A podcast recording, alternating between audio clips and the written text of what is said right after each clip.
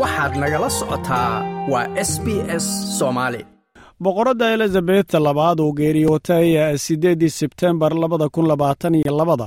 ayaa la aasay isniintiina dhaaftay sagaaliyo tobanka sebtembar labada kun iyo labaatan iyo labada iyadoo muddadaasi waddanka britain uu ku jiray murugada tacsida iyo u diyaargarowga aaska boqoradda oo ay ka soo qayb galeen hogaamiyaal badan oo dunida dacalladeeda ka kala yimid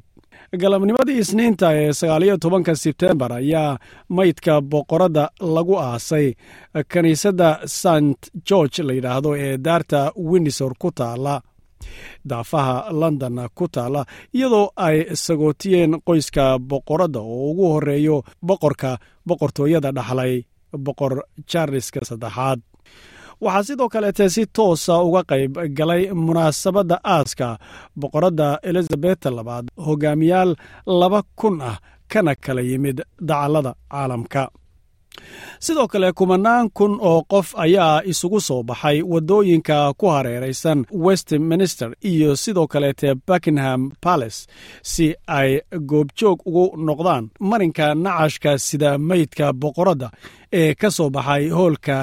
westminster loona qaaday dhanka kiniisadda kuna dambeeyey daarta windsor halkaasi oo lagu garabaasay ninkeedii dhintay sannad ka hor amiir philip iyo sidoo kaleete aabbaheed boqor georgkii lixaad bilowga aaska ayaa ka bilowday iyada oo naxshiga lagu waday. Maydka boqoradda laga soo qaaday arooryadii isniinta hoolka westminster ee baarlamaanka britain iyadoo naxashka lagu daboolay calanka boqortooyada britain dushana laga sii saaray taajkii boqoradda isaga oo maydka boqoraddana halkaasi maalmo uu yaalay si aragtida sagootinta maydka boqoradda ay madaxda britain iyo kuwa caalamku uga gutaan. Ka hor inta aan maydka boqoradda la dhigin halkii ugu dambaysay ayaa naxashka maydka laga dulqaaday taajkii boqoradda iyo astaantii boqortooyada oo dusha sare ka saarnayd naxashka. Tanoo ah markii ugu horraysay uguna dambaysay ee boqoradda iyo taajkeeda ay kala tagaan aaska boqoradda ayaa dalka britain ooga dhigan dhammaadka xilligii loo qoondeeyey murugada geerida boqoradda balse qoyska boqortooyada ayaa xaaladda murugada tacsida toddoba beri oo kaleete ku sii jiri doona. Geerida boqoradda iyo aaskeeda ayaa iyadoo ahayd boqortooyada britain qofkii ugu muddada dheeraa waxaa ku soo idlaaday cimrigii dheeraa ee boqorad elizabeta labaad ee ahaa sagaashan iyo lixda sano iyo mulkigii adduun ee ay ka talinaysay iyo carshigii ay ku fadhiday muddo gaadhaysa toddobaatan sano dhacdooyinka kale ee iyagana sidoo kaleete sheegidda mudan waxa uu ahaa naxashka lagu waday boqoradda mid aad loo soo qurxiyey oo ubaxyo lagu soo qurxiyey midaba kala duwan leh. Taajkana dusha uu ka saarnaa calanka britainna lagu duubay. Qoyska boqortooyada ayaa daba socday naxashka taasoo ay ku karaamaynayeen boqoraddooda ra'iisul wasaaraha waddanka britain jagada ku cusub liz truss ayaa waxa ay ka mid ahay dadkii ugu dambeeyey ee boqoradda nolosha ku arkay halkaasna waxa ay ka jeedisay kelimo oo ka mid ahaa hadalladeedii Lord, we know not whither thou goest, and how can we know the way?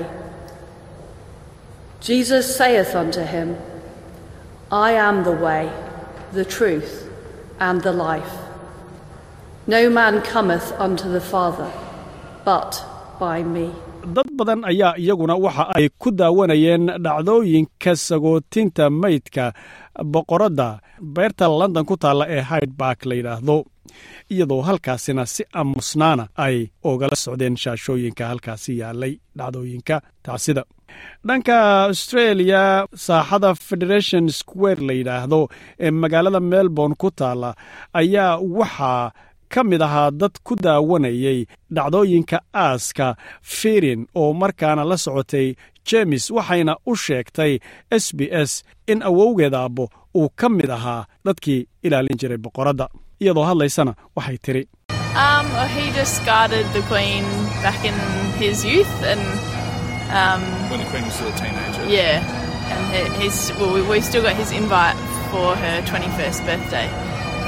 Um, well, he just guarded the Queen back in his youth, and when the Queen was still a teenager. yeah, and he, he's well, we, we've still got his invite for her 21st birthday. Anyway, so we just thought it would be interesting to watch. waxa uu keliya samayn jiray ilaalinta boqoradda wakhtigii ay dhallinta ahayd markii ay weli aadka u yarayd welina waxaan haysannaa bay tiri martiqaadkii sannad guuradeedii dhalashada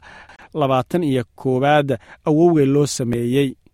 si kastaba ha noqotee waxaan rumaynay in ay aad u wanaagsan tahay in dhacdooyinkan aan daawanno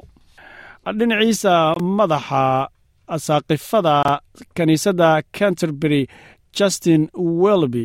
ayaa isagu xusuusanaya markii ay boqoraddu ku ballanqaaday in ay nafteeda u xil saarayso dadkeeda iyo sidoo kaleete waddamada barwaaqa sooranka ah ee ku xidhan boqoradda sannadkii ay jirtay labaatan iyo kowga. Isagoo hadlayana waxa uu yidhi present to so many, touching a multitude of lives.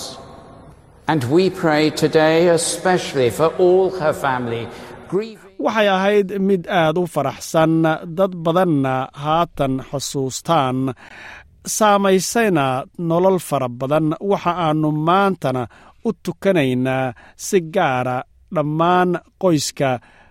boqoradda waxa aanan u murugsannahay sida qoys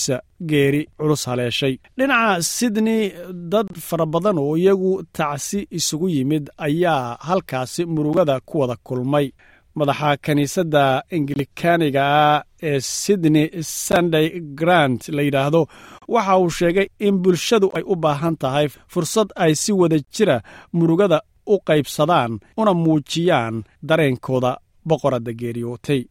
isagoo hadlayana wuxuu yidhi Yes, well, we're giving great thanks to God for her life, for her fidelity. Uh, there are so many people gathering uh, the last uh, 10 days, and we expect in the next couple of days. waxaannu u mahadcelinaynaa mahadcelin wanaagsan nolosheedii iyo hagarbaxeedii waxaa jira dad badan oo iyagu isu yimaadeen maalmihii tobanka ayana dhaafay waxaana sidoo kale filaynaa labada maalmood ee nagu soo aadan. Janaasada ayaa lagu soo gebagabeeyey markii ugu dambaysay buun lagu dhuftay iyo laba daqiiqo oo aamus ahayd. Waxa uu haddaba socdaalkii janaasadana uu ahaa bandhig aad u ballaadhan oo meelo badan oo jiirooyina jidadka london la mariyey. Goobta lagu aasay meydka boqoradda sagaashan iyo lixda ku geeriyootay ee ugu dambaysay waxa ay ahayd ee meydkeeda la dhigay